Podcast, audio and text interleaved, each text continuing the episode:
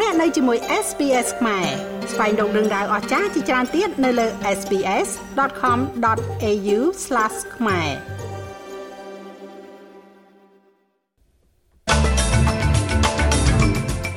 អ៊ីស្រាអែលយល់ព្រមផ្អាកការទម្លាក់គ្រាប់បែកជារៀងរាល់ថ្ងៃនៅតំបន់ហ្គាហ្សាខណៈលោក Anthony Albanese និយាយជាមួយប្រមុខអាជ្ញាធរប៉ាឡេស្ទីន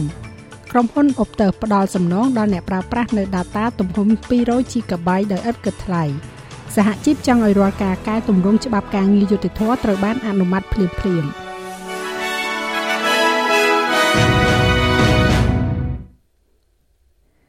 សហរដ្ឋអាមេរិកបាននិយាយថាអ៊ីស្រាអែលនឹងចាប់ផ្ដើមផ្អាកការទម្លាក់គ្រាប់បែករបស់ខ្លួនជារៀងរាល់ថ្ងៃរយៈពេល4ម៉ោងមកលើភៀកខាងជើងនៃតំបន់ Gaza Strip ដើម្បីឲ្យប្រជាជនប៉ាឡេស្ទីន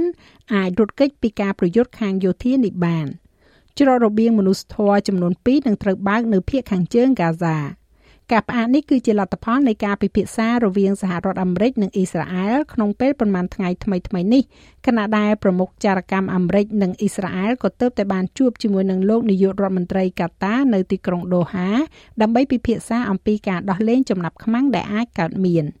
អ៊ីស្រាអែលទទូចថាការផ្អាកនេះមិនមែនជាបទឈប់បាញ់ទេប៉ុន្តែជាមនុស្សធម៌សុទ្ធសាធ។ នាយកផ្នែកសង្គ្រោះបន្ទាន់នៃកម្មវិធីស្បៀងអាហារពិភពលោករបស់អង្គការសហប្រជាជាតិ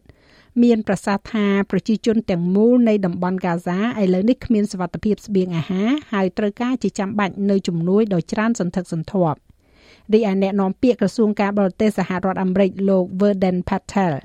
មានប្រសាសន៍ថាវាគឺជាជំហានដំបូងដ៏សំខាន់មួយ this has been something that has been important នេះគឺជាអ្វីមួយដែលមានសារៈសំខាន់សម្រាប់យើងក៏ដូចជាការវាយតម្លៃទៅលើផ្លូវដែលការផ្អាកសម្រាប់មនុស្សធម៌អាចត្រូវបានផ្ដួចផ្ដើមដើម្បីអនុញ្ញាតឲ្យជនស៊ីវិលចាក់ចេញជាពិសេសចាក់ចេញពីតំបន់ដែលមានការប្រយុទ្ធយ៉ាងសកម្មបង្កើនលំហូរនៃជំនួយក៏ដូចជាបើកលក្ខខណ្ឌសម្រាប់ការដោះលែងចំណាប់ខ្មាំងដែលជាអ្វីដែលយើងសង្ឃឹមថានឹងបន្តកើតឡើងហើយនឹងកើតឡើងផងដែរហើយនោះជាអ្វីដែលយើងនឹងបន្តតាមដានទោះជាយ៉ាងណាក៏ដោយនៅមិនទាន់មានការផ្អាកនៅក្នុងការប្រយុទ្ធនៅឡើយទេអ៊ីស្រាអែលនិយាយថាទាហានរបស់ខ្លួនចំនួន33នាក់បានស្លាប់នៅក្នុងតំបន់ហ្គាហ្សាចាប់តាំងពីចំនួនជាហូហែជាមួយនឹងក្រុមហាម៉ាស់បានចាប់ផ្ដើមនៅថ្ងៃទី7ខែតុលានៅពេលដែលគេនិយាយថាក្រុមហាម៉ាស់បានសម្លាប់ជនជាតិអ៊ីស្រាអែលចំនួន1400នាក់និងបានចាប់មនុស្សចំនួន240នាក់ជាចំណាប់ខ្មាំង មន្ត្រីប៉ាឡេស្ទីនបាននិយាយថាជនស៊ីវិល1812នាក់ត្រូវបានសម្លាប់នៅក្នុងការវាយប្រហារសងសឹករបស់អ៊ីស្រាអែលចាប់តាំងពីពេលនោះមក។ ក្នុងពេលជាមួយគ្នានេះលោកនាយករដ្ឋមន្ត្រី Anthony Albanese បាននិយាយជាមួយនឹងមេដឹកនាំអាជ្ញាធរប៉ាឡេស្ទីនគឺលោក Mahmoud Abbas ដោយថ្កោលទោសការវាយប្រហាររបស់ក្រុម Hamas មកលើអ៊ីស្រាអែលនិងបង្ហាញពីការព្រួយបារម្ភអំពីការស្លាប់របស់ជនស៊ីវិលនៅក្នុងចំនួននៅមជ្ឈិមបូព៌ានាពេលបច្ចុប្បន្ននេះ ការសន្ទនានេះបានធ្វើឡើងកាលពីព្រឹកថ្ងៃប្រហ័សម្សិលមិញលោក Albanese ក៏បាននិយាយជាមួយនឹងនាយករដ្ឋមន្ត្រីអ៊ីស្រាអែល Benjamin Netanyahu កាលពីសប្តាហ៍មុនផងដែរលោក Albanese បានបញ្ជាក់សារជាថ្មីទៅកាន់លោក Abbas ថាអូស្ត្រាលីគ្រប់គ្រងដំណោះស្រាយរដ្ឋពីរចំពោះចំនួនអ៊ីស្រាអែលនិងប៉ាឡេស្ទីនទីភ្នាក់ងារព័ត៌មានប៉ាឡេស្ទីន Wafa កំពុងរាយការណ៍ថាលោក Abbas បានប្រាប់លោក Albanese នៅអ្វីដែលបានកើតឡើង ថាគឺជាអំពើប្រល័យពូជសាសន៍ហើយវាគួរតែត្រូវបានបញ្ឈប់ជាបន្ទាន់លោកបានជំរុញឲ្យលោក Albanese ទទួលស្គាល់រដ្ឋប៉ាឡេស្ទីនដោយនិយាយថាផែនការរបស់អាញាធរអ៊ីស្រាអែលមិនអាចទទួលយកបានទេនៅក្នុងប្រទេសអូស្ត្រាលីយើងវិញ មេដឹកនាំគណៈបកប្រឆាំងសហព័ន្ធគឺលោក Peter Dutton មានប្រសាសន៍ថារដ្ឋាភិបាលសហព័ន្ធត្រូវតែធ្វើបន្ថែមទៀតដើម្បីជួយទប់ស្កាត់ការបរាជ័យផ្នែកបច្ចេកវិទ្យានាពេលអនាគតដូចជាបញ្ហារបស់ Optus ដែលកើតឡើងនៅក្នុងសប្តាហ៍នេះបណ្ដាលឲ្យមានបញ្ហាធំដល់ប្រជាជនអូស្ត្រាលី។ មានទាំងការពិនិត្យឡើងវិញរបស់រដ្ឋាភិបាលសហព័ន្ធនិងការស៊ើបអង្កេតរបស់ព្រឹទ្ធសភានៅលើការដាច់សេវារយៈពេល12ម៉ោងកាលពីថ្ងៃពុធ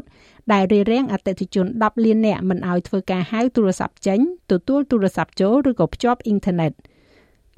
វិស្វកររបស់ Optus នៅតែកំពុងស៊ើបអង្កេតឧបទ្ទហេតុនេះ ចំពេលមានការអំពាវនាវរោគសំណងហិរញ្ញវត្ថុសម្រាប់អ្នកដែលរងផលប៉ះពាល់ក្រុមហ៊ុនកំពុងតែផ្ដល់ជូនដល់អ្នកប្រើប្រាស់ដែលបានបង់ប្រាក់ជាមុនដែលយើងហៅថា prepaid user នៅទិន្នន័យទំហំ 200 GB ដោយឥតគិតថ្លៃនិងអ្នកប្រើប្រាស់ដែលបង់តាមក្រោយហៅថា postpaid user នៅការប្រើប្រាស់ទិន្នន័យឬក៏ data ដោយឥតគិតថ្លៃនៅចុងសប្តាហ៍ ប៉ុន្តែលោក Dutton បានប្រាប់បណ្ដាញទូរទស្សន៍ប៉ូលេខ9ថាដោយសារតែមនុស្សគ្រប់គ្នាពឹងផ្អែកទៅលើបច្ចេកវិទ្យាប្រភេទនេះរដ្ឋាភិបាលមានទំនួលខុសត្រូវយ៉ាងសំខាន់ The government needs to you know work harder and uh រដ្ឋាភិបាលត្រូវតែខិតខំបន្ថែមទៀតហើយនេះមិនមែនជាការរំលោភបំពានជាលើកដំបូងក្រោមការត្រួតពិនិត្យរបស់ពួកគេនោះទេហើយប្រជាជនមានទិន្នន័យរបស់ពួកគេកាន់កាប់ដោយ Optus ពួកគេមានសំណួរអំពីជំនឿទុកចិត្តនៅលើក្នុងគំនិតរបស់ពួកគេឥឡូវនេះ។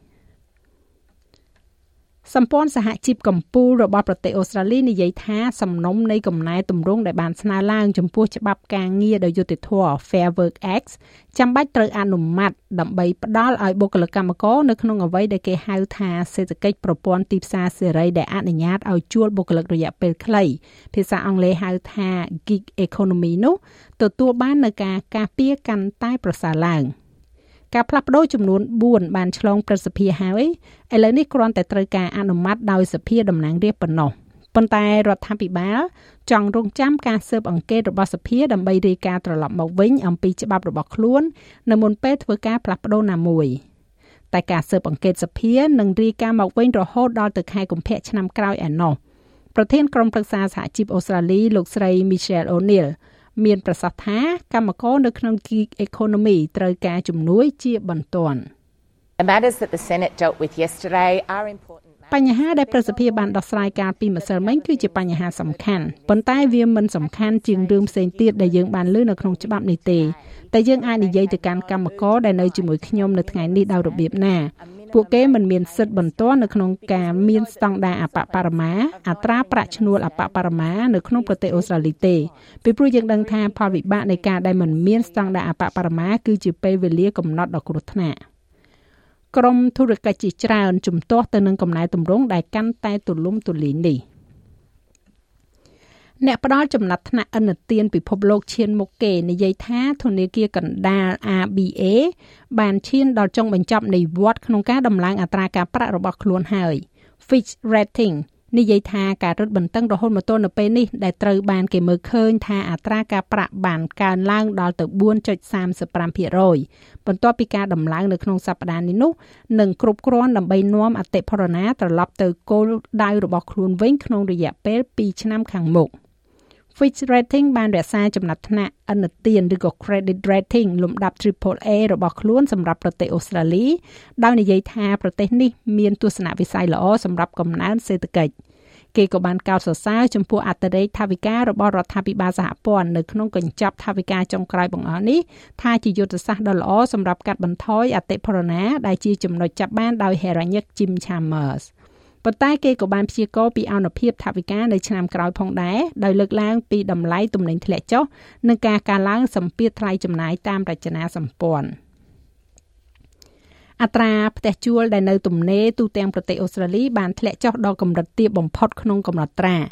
វាបានធ្លាក់ចុះបន្តិចកាលពីខែមុនហើយមានត្រឹមតែ1.02%ប៉ុណ្ណោះនេះបើយោងតាមរបាយការណ៍អ្នកវាយតម្លៃអចលនទ្រព្យ PropTrack Market Insight Report ។ លំនៅឋានទំនេរមានការថយចុះទាំងនៅក្នុងតំបន់ទីក្រុងនិងតំបន់ជនបទពួកគេនិយាយថាអត្រាទំនេរមាននិន្នាការធ្លាក់ចុះក្នុងរយៈពេល3ឆ្នាំហើយទំនងជាបន្តធ្លាក់ចុះទៀតដោយសារកំណើនប្រជាជនខ្លាំងនិងការធ្លាក់ចុះនៅការផ្គត់ផ្គង់លំនៅឋានថ្មីលំនៅឋានទំនេរនៅស៊ីដនីគឺទាបជាងកាលពីខែមីនាឆ្នាំ2020ចំនួន60%ហើយនៅទីក្រុងមែលប៊នមានអត្រាទាបជាងមុន50% នៅប្រទេសកម្ពុជាវិញកូនប្រុសពីរនាក់របស់ស្ដេចប្រដាល់កម្ពុជាគឺលោកអេភូថងរួមទាំងអ្នកប្រដាល់កម្ពុជាច្រើនអ្នកទៀតដែលបានមកប្រកួតនៅទីក្រុងមែលប៊នកាលពីចុងសប្តាហ៍កន្លងទៅនោះបានវិលត្រឡប់ដល់ប្រទេសកម្ពុជាវិញហើយក្នុងនោះអ្នកបន្តវេនត្រកូលអ្នកប្រដាល់កម្ពុជាគឺលោកអេអាំម៉ារិនភូថងអាយុ20ឆ្នាំដែលជាកូនប្រុសពៅ បង្កើតរបស់លោកអេភូថងបានបង្កើតនៅកំណត់ត្រាថ្មីដោយឈ្នះខ្សែក្រវ៉ាត់ជាលើកដំបូងរបស់ខ្លួននៅលើទឹកដីប្រទេសអូស្ត្រាលីការប្រកួតដណ្ដើមខ្សែក្រវ៉ាត់នេះបានធ្វើឡើងនៅក្នុងកម្មវិធីគុនខ្មែរ Super Fight and Bob ដែលបានធ្វើនៅទីក្រុង Melbourne ប្រទេសអូស្ត្រាលីកាលពីថ្ងៃទី5ខែវិច្ឆិកាកន្លងទៅលោកអេអាំម៉ារិនភូថងមួយទៀតអរគុណមានរៀបឲ្យ10អរគុណអ៊ំពូមិញហើយហ្វេនហ្វេនខ្ញុំអឺ មើលខ្ញុំកម្ពុជាហូតដល់ពេលឥឡូវធ្វើបានសម្រេចអីគាត់ទេឲ្យធ្វើបាត់ទេហើយមួយទៀតអរគុណអ៊ំនៅខាងអ៊ំសាលីទាំងអស់ខ្មែរអ៊ំសាលីទាំងអស់ដែលយកចិត្តទុកដាក់យកចិត្តទុកដាក់ខ្ញុំហើយអត់ភាពកក់ក្ដៅមកខ្ញុំរហូតចាស់ឲ្យលោកមេងផល្លានឹងជួនសេចក្តីរាយការណ៍លម្អិតនៅវគ្គក្រោយជាបន្តទៀតឬក៏លោកអ្នកអាចចូលស្ដាប់របាយការណ៍ពេញលើគេហទំព័រ sps.com.au/ ខ្មែរ នៅក្នុងព័ត៌មានកីឡាក្រុម Western Bulldogs នឹងប្តឹងឧទ្ធរណ៍ប្រឆាំងទៅនឹងការសម្រេចចិត្តរបស់គណៈវិនិច្ឆ័យក្នុងការផ្តល់សំណងជិត6លានដុល្លារដល់ជនរងគ្រោះពីការរំលោភផ្លូវភេទកុមារ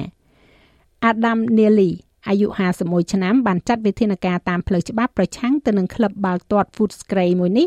ដែលឥឡូវត្រូវបានគេស្គាល់ថាជា Western Bulldogs បន្ទាប់ពីលោកបានទទួលរងនឹងការរំលោភបំពានរវាងឆ្នាំ1984និងឆ្នាំ1990ក្រោមដៃបុគ្គលិកស្ម័គ្រចិត្តរៃអង្គាសប្រាក់ Graham Hobbs បន្ទាប់ពីការកាត់ក្តីរយៈពេល4សប្តាហ៍នៅក្នុងតុលាការកំពូលនៃទីក្រុង Melbourne គណៈវិនិច្ឆ័យបានរកឃើញថាក្លឹបនេះមានការធ្វេសប្រហែស ចៅក្រមបានផ្ដល់សំណងជិត6លានដុល្លារនៅក្នុងការខូចខាតដែលជាចំនួនខ្ពស់បំផុតដែលផ្ដល់ដោយគណៈវិនិច្ឆ័យដល់អ្នករស់រានមានជីវិតពីការរំលោភបំពាននៅក្នុងប្រទេសអូស្ត្រាលី និងជាលើកដំបូងប្រឆាំងទៅនឹងក្លឹប AFL Bulldogs ក៏នឹងត្រូវបង់ថ្លៃចំណាយខាងផ្លូវច្បាប់ផងដែរចំណែកឯអត្រាប្តូរប្រាក់វិញ1ដុល្លារអូស្ត្រាលីមានតម្លៃប្រមាណជា63សេនកន្លះដុល្លារអាមេរិកត្រូវនឹង2620រៀលប្រាក់រៀលខ្មែរ យើងក៏លេខមកមើលការព្យាករណ៍អាកាសធាតុសម្រាប់ថ្ងៃសៅរ៍ស្អែកនេះវិញទីក្រុងផឺតភាគច្រើនបើកថ្ងៃ27អង្សាអាដាលេដមានពពកដោយពេល23អង្សាដូចគ្នានៅមែលប៊ន25អង្សាហូបាតរលឹមបន្តិចបន្តួច18អង្សាភាគច្រើនបើកថ្ងៃនៅ Canberra 32អង្សាដូចគ្នាដែរនៅ Sydney 29អង្សា នៅ Brisbane មានពពកដោយពេល26អង្សា នៅទីក្រុង Cairns ភាគច្រើនបើកថ្ងៃ31អង្សា នៅ Darwin អាចនឹងមានរលឹមនិងខ្យល់ព្យុះ33អង្សា និងនៅទីក្រុងភ្នំពេញ មានផ្គររន្ទះរាយប៉ាយ33អង្សា thank you